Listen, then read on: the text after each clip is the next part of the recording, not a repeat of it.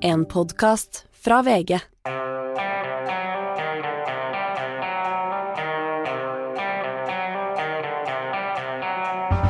Ikke visste jeg at alle disse ukene som kom og gikk, de var selve uke 26. Vi er halvveis i året, og vi er på eh, trappen til sommerne og, og, sommerferien. Det begynner å tynnes litt i rekkene, men noen holder hjula i gang. Og eh, gjennom hver fredag hele denne sommeren så skal vi ha eh, besøk av en eh, prominent kommentator fra forskjellige av de største avisene i Norge, som skal snakke litt om, eh, om kommunevalget eller eh, lokalvalget generelt, men også kanskje særlig vekt på sitt distrikt kanskje nevne at disse intervjuene er gjort rett før sommerferien, så av og til kan det være eh, siste nytt ikke helt er fanget opp. Vi har også snakket med nestor i statsvitenskap Bernt Årdal om eh, de forskjellige områdene og hva som står på spill politisk ved dette valget. Ja, Tromsø, Nordens uh, Paris og, og, en slags uh, hovedstad i, i Nord-Norge. Bernt Årdal, hva, hva, blir det spennende å følge med på uh, når det gjelder Tromsø, Nord-Norge generelt og, og, Tromsø spesielt i denne valgkampen? Altså, Tromsø er for det første en by som ligger i mitt hjerte her, men jeg har bodd der i en del år også og mange venner der. En flott by? Ja da, det er en veldig flott by. Så, nei, altså Det som er det spesielle sammenlignet med en del av det vi ser i en del andre storbyer, så ser det ut som f.eks. at Arbeiderpartiet, som nå er ordføreren, klarer seg bedre der. Eh, men der har de også vært avhengig av å bygge allianser. Varaordføreren f.eks. er fra, fra, Senterpartiet.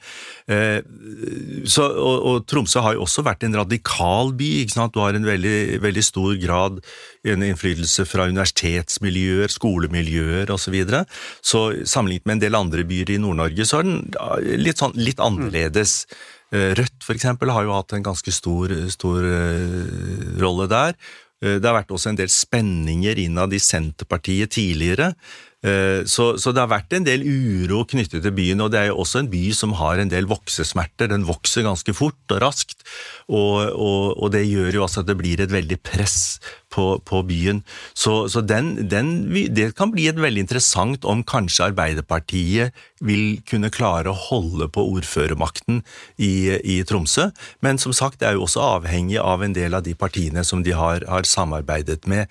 Og, og det som vi ser i en del byer, andre andre byer, storbyer, er jo at for å få ordføreren eller, eller, byrådsmakt, så må man egentlig samarbeide med ganske mange partier. Og det kan bli ganske krevende, fordi at det er partier og grupper som har sine eh, spesielle interesser, og det er ikke alltid like lett å forene alle disse her. Situasjonen i Russland, eh, altså Nord-Norge er jo de som har eh, hatt den virkelig nære kontakten med, med russerne. Vil det påvirke valgkampen, tror du? Altså, Sikkerhetspolitikk har jo spilt, det spilte en rolle ved de siste valgene også. Siste valget. Øh, og, og, det var jo annet en del av det som kanskje også rammet Arbeiderpartiet, at man hadde vært med på en del kompromisser om forsvarspolitikken. Nedleggelsen av Andøya flystasjon, ikke sant. Og det rammer jo Tromsø ligger jo ikke langt unna av Bardufoss og Indre Troms, ikke sant, som er også avhengig av ganske mye militær aktivitet. Så sånn sett så, så vil jo da den uh, krigen i Ukraina, det har de allerede vært veldig oppmerksom på, at det, nok vil føre til en del økt aktivitet i nord. Uh, ikke bare i, i Tromsø-området der, men kanskje enda mer i Finnmark. Slik at det som mange så på som en slags nedbygging av en av de største arbeidsplassene i mange av disse kommunene, at det kan snu, og at det på en måte også gjør at man kanskje får et, et, et bedre eh, valgresultat som regjeringspartier enn, en det det kanskje lå an til. Men igjen, forventningene knyttet til sentralisering, distriktspolitikk osv eh, var jo enormt store, i, i særlig i Nord-Norge, før valget. Så vi ser jo, det skal ikke så veldig mye til før man begynner å, å hva skal vi si, si at ja, man følger ikke opp noe. Senest nå var det jo denne prioriteringen fra Statens vegvesen, hvor man da var litt misfornøyd med at eh, en del områder i Nord-Norge kom dårligere ut. Så det ligger under, og det hele tatt, dette med distriktspolitikk, som var en viktig sak sist, har jo falt nedover på listene. Men man skal ikke undervurdere den at i enkelte deler av landet så er det Det skal ikke mye til for å, å tenne, sette en fyrstikk bort til, til en del av de spenningene. Det er en glede å kunne hilse velkommen til Skjalg Fjellheim, politisk redaktør i Nordlys, og en av våre fremste frenemies, må vi nesten kunne si, Skjalg. Ja, tusen takk skal du ha, Anders. Veldig hyggelig å ha deg her. Eh, vi beskyldes jo ofte i pressen for å være altfor enige. Vi er, eh, vi er, eh, hva er det man snakker om, en sånn konsensus i norske medier og sånne ting, men du har vært en litt annen stemme, Skjalg. Du er ofte uenig, kanskje særlig med oss som holder til i hovedstadsmediene. Jeg er ofte enig med kommentatorer og kolleger i Oslo òg, men det er bare det at de gangene jeg er uenig, så gjøres det jo noen ganger et stort nummer av det. Ja, og så er du ganske flink til å gjøre et nummer av deg sjæl også, ikke det?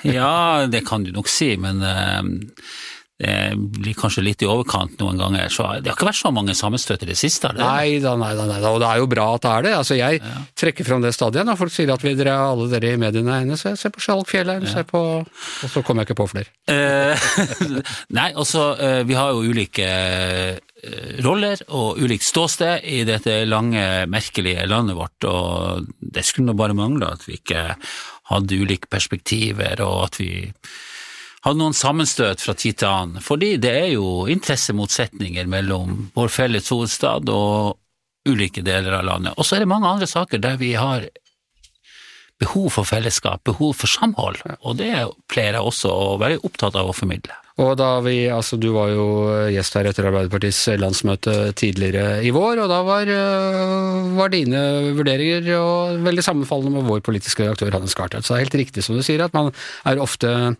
eh, ofte enige også. Men jeg har jo også lagt merke til at når jeg leser mediene nordfra, der utsettes du ofte for mye av den samme kritikken som vi eh, i, i, hovedstadsmediene utsettes for nasjonalt. Det utsettes du for mer regionalt. At du er for, du er for mye i Tromsø-bobla og, og, for opptatt av, av sentrum kontra periferi og tar ikke nok hensyn til distriktene osv. Ja, fordi det kan være like galt å snakke om Norge med ståsted i Tromsø som et ståsted i Oslo, ikke sant? sett fra ulike deler av Nord-Norge. Så det er en observasjon som er helt riktig. Vi i um, Tromsø eh, spiller ofte rollen som den utskjelte storebroren i, i nord. Eh, og det er jo noe som går langt tilbake i tid. For Nord-Norge er på en måte et identitetsfellesskap, men det er også en landsdel som har sterke rivninger og motsetninger internt, som også andre deler i, i dette landet, Vestlandet eksempel. Eh, men du kommer ikke fra Tromsø? Nei, jeg er fra Senja opprinnelig, eh, øy sør for eh, Tromsø, altså mellom Harstad og Tromsø i skipsleia der. Hva sier de når du kommer hjem, om, får du høre det da? Um, det er ikke så veldig ofte jeg er på Senja lenger. Jeg har to søstre som har, begge har hytte der. Jeg har eh, sjøl ikke noe tilknytning eh, til Senja lenger, men det jeg merker når jeg kommer dit, er at jeg, jeg slår om dialekten veldig ja. raskt og begynner å snakke senjaværing. Um, så vel, vel, Senja var et godt sted å vokse opp klassisk nordnorsk eh, bygdesamfunn. Sterke eh, arbeiderpartikommuner. Jeg vokste opp i et eh, arbeiderpartihjem. Min far var aktiv arbeiderpartipolitiker i kommunestyret i over 30 år, og jeg er jo selvfølgelig forma av, av den oppveksten og det verdisynet som jeg fikk med meg derfra. Nå sa jeg når du kommer hjem, men nå regner du kanskje Tromsø som hjem? Det er litt sånn klassisk det, at man alltid snakker om hjem i Norge er et annet sted enn der du bor? Ja, jeg har jo bodd i Tromsø nå siden 1990, så det begynner å bli en stund. Så jeg regner meg jo som tromsøværing. I hvert fall integrert tromsøværing. Da jeg vokste opp og begynte å interessere meg for det som sto på politiske sidene i avisene, da var, eh, var, det en politisk redaktør, etter hvert sjefredaktør i Tromsø, som het Ivan Christoffersen, og som hadde Eh, vil jeg si på den eh, tida noe altså da var, da var jo partipressen sterkere til stede, men han hadde også en ganske uh, frittstående, litt uavhengig rolle. og uh, Var du inspirert av han? Har han uh, betydd noe for deg og den måten du utøver ditt virke på? Ja, absolutt. Ivan Kristoffersen var selvfølgelig, som du sier, omstridt, men han var uten tvil et forbilde for oss som begynte med journalistikk i Nord-Norge på 80- og 90-tallet. Um, og um, det var jo først og fremst dette med hans evne til å altså være en selvstendig stemme uh, fra Nord-Norge inn i den nasjonale offentligheten. Med, med egne frittstående synspunkter og kunnskapsbasert. Um, Så han var en imponerende eh, redaktørskikkelse. Han ble jo kalt for Ivan den grusomme da, i, både i sin egen avis i Nordlys, men også i, i, i Nord-Norge. Men han var jo også kjent for å være en, hva skal vi si, en, en, en en motkraft i den norske offentligheten. Det var eh, kanskje Bergens Tidende og, og, Nordlys den gangen som var liksom motstemmende, først og fremst i den nasjonale offentligheten, i avisfloraen den gangen. Med, med, med ulike, De representerte jo ulike eh, verdisyn. Nordlys med sitt sosialdemokratiske eh, perspektiv, og Bergens Tidende med, med sitt liberale liberale venstreståsted. Ja, sånn handelsvenstreståsted. Ja. Uh, ja, han, han het jo da Ivan, et russisk navn. Eh, det har vært et eh, ganske tett forhold mellom din landsdel og Russland. Det ble etter Kiel, altså eh, russerne som frigjorde hele, hele Finnmark. Og fortsatt så tror jeg nok at det er det området av landet hvor forståelsen for Russland og engstelsen for at det skal skjære seg helt med Russland er sterkest, samtidig som det er liksom bastionen øh, mot Russland. Og dette er spørsmål du har engasjert deg i? Ja, altså, Det som skjedde 24. februar i fjor var et sjokk for hele Norge, men det var kanskje aller størst sjokk i Nord-Norge, og ikke minst i Finnmark, i denne grenseregionen, der man i mange tiår har nærmest ja, uten noen særlige innvendinger eller kritiske refleksjoner har dyrket samarbeids ønske om samarbeid med Russland. Pomorhandelen? Ja, altså det har vært en slags moderne variant av pomorhandel, og det skulle liksom være et slags integrert eh, handelsområde, eh, Nord-Norge og deler av Nord-Norge og Nordvest-Russland. Og så har man jo kanskje lukket øynene da, for den autoritære utviklinga i Russland, ikke sett eh, klart nok hva som, eh, hva som, var i ferd med å, å, å utvikle seg, og så har man kanskje også trodd at det var et annet Russland i Nord-Russland enn det Russland vi så i Moskva. Men så viser det seg jo at det er akkurat det samme Russland, og de som støtter Putin aller mest uh, uforbeholdent, er jo guvernørene og, og de lokale eh, administratorene i Nordvest-Russland. Er denne, er denne hva skal si, nye situasjonen, føler du den er sunket inn, eller er det fortsatt eh, problemer med eh, aksepten for eh, den krigføringen, bombe eller våpen til Ukraina osv.? Ja, det er full aksept og full oppslutning om, om våpenstøtten til Ukraina, og jeg tror absolutt at det har sunket inn. Det vi har sett eh, i, i tidligere i, i, vår, da, er, er jo annet at vennskapsbyavtaler som nordnorske byer og kommuner har hatt med Russland, har blitt sagt opp. Tromsø har sagt opp sin vennskapsbyavtale med Murmansk. Kirkenes har sagt opp sin vennskapsbyavtale med marinebyen Sevromorsk. Eh, og så tror jeg også at det er i ferd med å etablere seg et nytt syn i Nord-Norge på dette med russiske anløp, altså anløp av russiske fiskebåter i nordnorske havner. Det er jo ingen tvil om at disse båtene utgjør en sikkerhetsrisiko, og uh, vi har sett annet i en NRK-dokumentar som ble sendt uh, i vår, at uh, disse båtene i praksis er spionskip. Og det, det tror jeg nordlendingene nå skjønner at ok, det er kanskje viktig næringspolitikk at de leverer fisk til nordnorske havner, og vi tjener noen, noen kroner på det, viktig, viktig økonomisk, men sikkerhetspolitisk er det helt hull i hodet at Norge skal eh, kaste spioner ut fra den russiske ambassaden i Oslo, og så slipper de inn sjøveien eh, via russiske trålere i Nord-Norge. Paradoksalt nok så er det jo eh, Nord-Norge som har mest å tjene på en ny kald krig her. Altså Vi så Forsvarskommisjonen la for noen forslag med, med, med var det 30 milliarder i første omgang og 40 milliarder i året i, i ti år framover. Og det er penger som Eh, i veldig stor grad er nødt til å gå til investeringer eh, i Nord-Norge. Ja, det tror jeg er riktig, men det er også en annen viktig investering som må gjøres, som ofte blir oversett i den diskusjonen, og det er jo at Norge har behov for luftvern rundt de store byene våre, og ikke minst rundt uh, vår felles hovedstad. Når vi ser på den russiske strategien så er jo dette med nedbombing av, av, de, av, av hovedsteder eh, ikke en trussel som vi bør ta lett på. Så luftvern rundt Oslo er et viktig forsvarspolitisk mål. Men du har helt rett, geografien i Norge den ligger fast.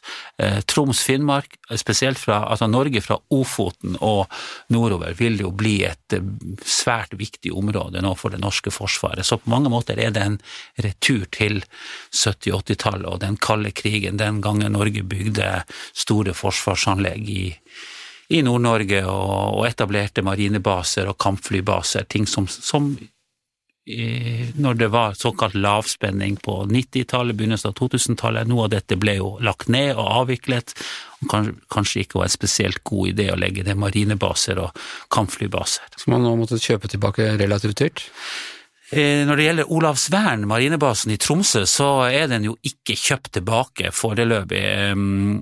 Det kan komme til å skje, jeg utelukker ikke at det kan komme til å skje. Kampflybasen, som vil flytte fra Bodø til Ørlandet, det viser seg å bli en kostbar affære for Norge. Først måtte man bygge opp en ny, marine, en ny kampflybase på Ørlandet, og så må man nå kompensere i Bodø med å bygge, med å flytte den gamle rullebanen eh, en kilometer og bygge en ny rullebane. Og så er det altså dette rett og slett det sikkerhetspolitiske ved bosetting, av det at det bor folk da og særlig i Finnmark selvfølgelig, en del, blir en del av norsk sikkerhetspolitikk?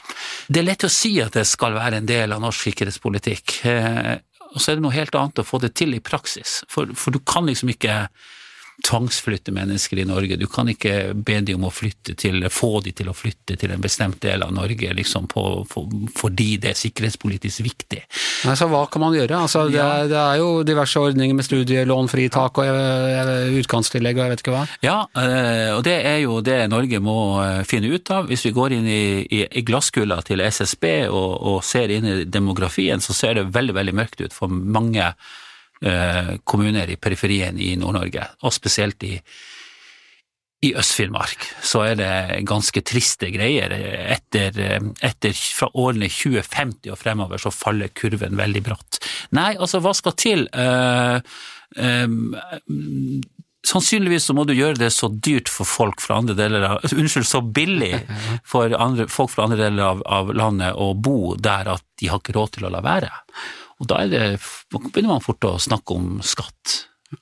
Personskatt. Kan man tenke seg at Svalbardskatt i deler av Finnmark mm. kan være en løsning? Det er fryktelig dyrt. Har Norge råd til det? Er det noen, øh, er det noen politiske partier eller øh, ledende politikere som snakker i de banene nå? Vi hører at det er begynt å snakkes om det lokalt og regionalt i Nord-Norge, at den diskusjonen har startet. Den har ikke kommet helt frem til de sentrale partiene. Vi hadde jo et forsøk i Bø i eh, Vesterålen. Ja, det, det, så den er på gang, den diskusjonen. Før eller senere så vil den også nå frem, bli en del av den sentrale nasjonale diskursen. Alternativet er jo at deler av den norske periferien i nord tømmes eh, langsomt for folk. Det, det er liksom en en, en, en uunngåelig prosess. Vi kan på en måte ha en, en, drøm og en ambisjon om at folk skal fortsette å bo i, i alle disse bygdene, men jeg tror liksom utfallet er uunngåelig hvis ikke Norge setter inn helt ekstraordinære ressurser på å unngå det. Ja. Eh, ellers har jo det grønne skiftet vært eh, brukt som et argument i både, både for og mot eh, bosetting i distriktene. Hva tenker du f.eks. om elektrifiseringen av Melkeøya og sånn? Det er jo en sak som det er ganske stor motstand mot i Nord-Norge, eh, fordi eh, det å forsyne Equinor sin fabrikk, gassfabrikk i, i Hammerfest med, med, landstrøm, det vil jo kreve enormt mye av det eksisterende nettet. Og da blir det veldig lite strøm igjen til det næringslivet som, som allerede opplever mangel på kraft. Um, samtidig som det er en, en uttalt målsetting for Norge å få ned sine nasjonale CO2-utslipp. Så det er liksom, det er liksom et, et en sammenstøt i virkelighetsanskuelser, dette. Og jeg har jo sett når bl.a. blant annet Jonas Gahr Støre har vært i Nord-Norge og hatt sine rådslag med nordnorske politikere og næringslivsledere, så eh, er det en slags eh, følelse av at han hører ikke helt etter. Han har veldig lyst til å elektrifisere Melkøya. Han får beskjed om at det er ikke noe god idé å gjøre det, men han, han, han hører ikke helt etter hva disse næringslivslederne og politikerne i Nord-Norge sier til han. Og jeg tror at Hvis Arbeiderpartiet tvinger dette gjennom, så kan det få alvorlige konsekvenser for Arbeiderpartiet i Nord-Norge. Tror du det vil ha konsekvenser allerede ved kommunevalget nå? Blir dette en av de store sakene? Nei, jeg tror ikke det vil bli det ved, ved det kommende kommunevalget, men det vil bli en, en kjempeviktig sak i Nord-Norge ved stortingsvalget i 2025.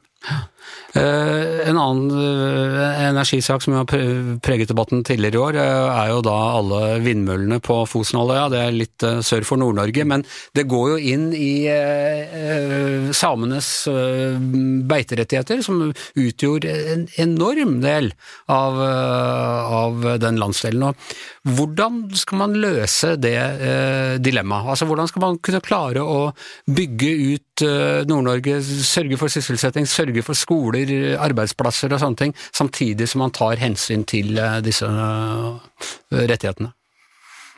Ja, Sametinget eh, sier jo ofte, eller representantene fra Sametinget sier at dette lar seg ikke forene. Det er Nei. ikke mulig å forene dette. Og Det samme hører vi fra deler av reindrifta. Og det som er situasjonen i, i, i Nord-Norge, og også egentlig Norge fra Trøndelag og, nord, og nordover, er at hvis du legger et kart over reinbeitedistrikter over norgeskartet, så vil du se at egentlig hele Trøndelag og Nord-Norge består av 55 reinbeitedistrikter. Det er egentlig et stort sammenhengende reinbeitedistrikt.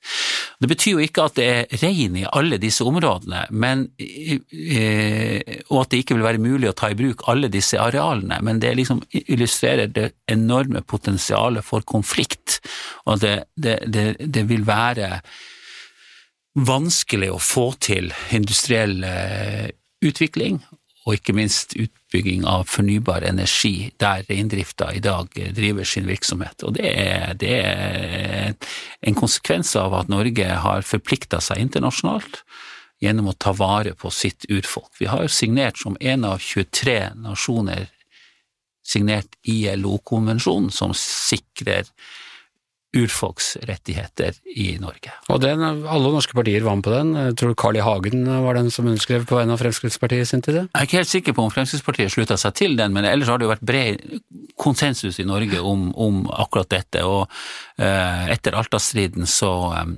så, har jo Norge tatt vare på eh, på den samiske minoriteten på en god måte. Man har fått Sametinget som ble etablert, eh, man har fått masse samiske institusjoner innenfor helse, media, uh, utdanning, uh, men man har fremdeles denne, denne, gordiske knuten når det gjelder uh, utnyttelse av areal og landrettigheter. Da. Hvordan skal reindriftas interesser som kulturnæring ivaretas? Hva, hva, tenker du hvis vi da ser bort fra akkurat urfolkrettigheter og dette, men, men rent energimessig, vindkraft, er det, er det, noe, er det den nye oljen? Er det det man bør satse på? Uh, ja, altså, uh, svaret på det er jo egentlig, det er egentlig både ja og nei. Ja, selvfølgelig bør vi satse på vindkraft, men hva slags type vindkraft? På land tror jeg det skal bli svært vanskelig å få en massiv utbygging i Nord-Norge, på grunn av det vi har nettopp har snakka om, mm. konfliktene med reindrifta. Når det gjelder havvind, så er bildet et helt annet. Ja, det vil være konflikter med med fiskeriinteresser, med, med sjømatnæringa, og også kanskje til en viss grad med Forsvaret, som eh, i den situasjonen vi er inne i vil ha behov for også arealer til sjøs. Men så er jo det problemet da med, med, med havvind, som VG har pekt på på lederplass. Det er fryktelig dyrt, fryktelig ulønnsomt, og spørsmålet er om det vil, vil være, vil være regningssvarende for Norge å satse på det når vi ikke blir konkurransedyktige med andre land. Men det var, tok litt tid før vi begynte å tjene penger på de der uh, oljeboreplattformene, som også er ganske dyre å, å bygge og utvikle? Det er helt riktig, og det tok også veldig lang tid før Nord-Norge ble en del av dette nasjonale olje- og gasseventyret. Ja. Når jeg vokste opp på 70-tallet, eh, så var jo slagordet 'ingen oljeboring nord for 62'. Nei til boring to, ja. nord for 62. Det, det, det jeg var, det som slagord i hodet. Det var slagordet og, som vi så overalt, og det var liksom mantra i 1. mai-tog eh, i, i Nord-Norge i mange, mange år. Og um, ofte så var det, for å være helt ærlig, var det søringer som kom nordover og, og gikk i bresjen for det. Nei da, men eh, Jeg har slektninger i Lyngen. Jeg husker en av dem gikk inn for å få en boreplattform der eh, foran Lyngsalpene. Og hvis vi sørfra prøvde å protestere med det, da fikk vi, fikk vi høre ja, om det. sant. Men det, det betydde jo da at, eh, at Nord-Norge ble liksom ikke det- fikk en slags status som en sånn naturpark, Ja. ikke sant? Og, og um, jeg, jeg tror- mange i Nord-Norge er redd for at det skal skje igjen. Ok, får vi et, et nytt stort industri eh, en, en ny stor industrisatsing i Norge med utbygging av havvind. Ja, den er ulønnsom, den er, den er, den er dyr, men skal også Nord-Norge denne gangen bli, bli, bli vernet, da, mens resten av, av norskekysten får, får være med på dette? Du, øh, skylder nok en gang å gjøre oppmerksom på at vi, dette her er tatt opp i eh, mai. Det kan ha skjedd ting som er litt rart at vi nå øh, ikke snakker om. Og, og øh, det er alltid lettere å, å snakke om hva, hvordan valget blir jo nærmere det nærmer seg valget. Men sett fra nå, hva, tenker, hva, er, hva er de viktigste tingene for f.eks. Arbeiderpartiet eh, i det kommunevalget som kommer nå? Hva er det viktigste å holde på? Hva kan du ikke miste? Hva, ja. Ja, altså øh, Hvis vi skal snakke om den landsdelen hvor jeg bor i Nord-Norge, så er det klart at Arbeiderpartiet har enormt mange ordførere i Nord-Norge. Og de har kontroll over alle byene i landsdelen, fra Mo i Rana i sør til eh, Hammerfest i nord. Smått og stort. Bodø, Tromsø, Harstad, Narvik, Hammerfest, Alta, Mo i Rana. Slik som jeg leser meningsmålingen nå, så risikerer jo Arbeiderpartiet å miste alle disse byene. Eh, og det vil jo være for, dramatisk for Arbeiderpartiet. I tillegg så vil de miste masse distriktsordførere rundt omkring. Hvordan skal de snu dette? Jeg er, jeg er ikke så sikker på at det er mulig å snu det med den korte tida som er igjen til dette kommunevalget. Og eh, jeg tror eh, at selv om disse mange, mange av disse Arbeiderpartiordførerne i Nord-Norge er jo ganske populære i sine kommuner de, eh, og i de byene de styrer. Så eh, hva skal vi si, frustrasjon blant velgerne retter seg ikke hovedsakelig mot disse Arbeiderpartifolkene lokalt, men mot partiledelsen i, i, eh, på Youngstorget og i regjeringsapparatet. Så det, det, det blir på mange måter en folkeavstemning, dette kommunevalget, om Jonas Gahr Støre sitt lederskap i Arbeiderpartiet, føler jeg. Det var jo, Da du var eh, gjest her tidligere i vår, så sa du jo at det hadde ikke så mye å si om man hadde noen nordfra i eh, partiledelsen, var, det var politikken som, eh, som avgjør. Men det er jo også det, det er ikke noen fordel at de ikke har noen i, i ledelsen som er nordfra og, og kjenner eh, distriktets eh, problemer og utfordringer på kroppen. Du har helt rett i, Anders, at det tidligere har vært slik at det har vært sterke Arbeiderpartipolitikere som har, fra Nord-Norge som har vært sentrale i Arbeiderpartiet. Hill Marta Solberg, Karl Erik Hill Skjøtt-Pedersen. Marta Solberg var den ene, egentlige sjefen under eh, Stoltenberg. Ja, det, det sies. Og så hadde du selvfølgelig Karl Erik Skjøtt-Pedersen. Men, men de tok på en måte vare på hele Nord-Norge i sin politiske gjerning, og det spilte liksom ingen rolle om de, hvilket fylke de kom fra. Og mitt inntrykk er at uh, denne politiske det politiske fellesskapet i Nord-Norge har på en måte forvitret litt. Og eh, det er også kritikken som ble reist i Nord-Norge internt i Arbeiderpartiet mot Bjørnar Skjæran, som gikk av som, mm. som eh, nestleder på landsmøtet, at han var mer opptatt av sitt hjemfylke enn resten av Nord-Norge og Nord-Norge som helhet. Og så ble det kanskje også det som innhentet han da når han ikke klarte å samle støtte bak sitt kandidatur, da, da Vestre kom inn og, og skjøv han ut. Så i, sett i et lys av det, så tror jeg dette med postadresse det å ha en postadresse i Nord-Norge har blitt mindre viktig eh, for å komme inn i Arbeiderpartiets ledelse. Vi så jo også at Helga Pedersen ikke klarte å samle nordnorsk Arbeiderparti-støtte bak sitt eh, kandidatur, eh, og at man kanskje mener at eh, Vestre og Brenna og til en viss grad Stenseng, selv om hun, også er upopulær i Nord-Norge, er like godt i stand til å ivareta nordnorske interesser som, eh, som eh, nordnorske stemmer i dette, dette, parti, dette partiapparatet. Senterpartiet gjorde det jo bra i Nord-Norge ved, ved, forrige valg, og um, du var vel en av de som var ganske begeistra for retorikken til, til uh, Vedum under, uh, under, valgkampen og oppkjøringa til valgkampen. Hva, hvordan syns du det har gått? Hvordan klarer de seg i regjering? Hvordan er det ekteskapet? Nei, Jeg tror at Senterpartiet er ganske fornøyd med hvordan ting har spilt seg ut i regjeringssamarbeidet. De har jo uh, de har jo Senterpartiet får alltid noe ut av det? De får alltid noe ut av det, og nå er det jo liksom tilbake på, eh, på sitt normale nivå, da, 6-7 eh, de kan jo serve sine grunnleggende interesser, landbruksinteressene og, og, og, og, eh, skogbruksinteressene, da, og det blir sikkert et godt landbruksoppgjør også i, i, det blir sikkert gode landbruksoppgjør helt til Senterpartiet går ut av regjering. Når Grunnen til at jeg var litt sånn begeistra for Senterpartiet ved siste stortingsvalg, var jo at de på mange måter overtok litt av Arbeiderpartiets gamle klær da i Nord-Norge. De snakket liksom om, eh, om, mange av de sakene som Arbeiderpartiet hadde vært opptatt tidligere. Så de, de, de, de var liksom på en slags sosialdemokratisk eh, linje. Um, så de er, men jeg tror ikke sjøl de er veldig misfornøyd med at de, går tilbake på målingene i Nord-Norge. De er tilbake på et nivå der de, der de historisk og tradisjonelt alltid har vært. Men sånn litt generelt med denne regjeringen, de satte i gang med masse, og de, de skulle splitte opp ting som var blitt sydd sammen, og, og de, liksom, de, ble opptatt av ting som virka litt, uh, unnskyld må jeg si fra min boble her i Oslo, litt bakpå. Så kommer liksom strømkrisa, så kommer Ukraina, så kommer liksom helt andre ting som de virka helt uforberedt på, fordi de var opptatt av liksom sånn uh, splitte opp kommuner og, og, fylker igjen. Ja, de var, opp, de var i utakt med, med, med det resten av Norge var opptatt av. og de var på en måte ikke på høyde med situasjonen.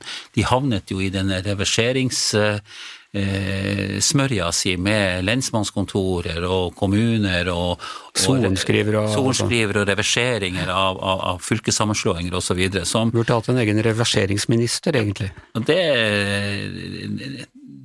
det er ikke noen saker som egentlig er viktige for folk i det hele tatt. Virker, altså, fylkeskommuner, eh, lensmannskontorer, sorenskrivere alt dette her, det er på en måte tilbakeskuende. Og, og der har Senterpartiet sin store svakhet. De, er, de, har en tendens til å liksom ta denne tidsreisen tilbake og tro at, uh, at alt var bedre før. Og problemet var jo det at et, et sånn tradisjonelt reformerende Arbeiderparti ble med på denne reisen. da.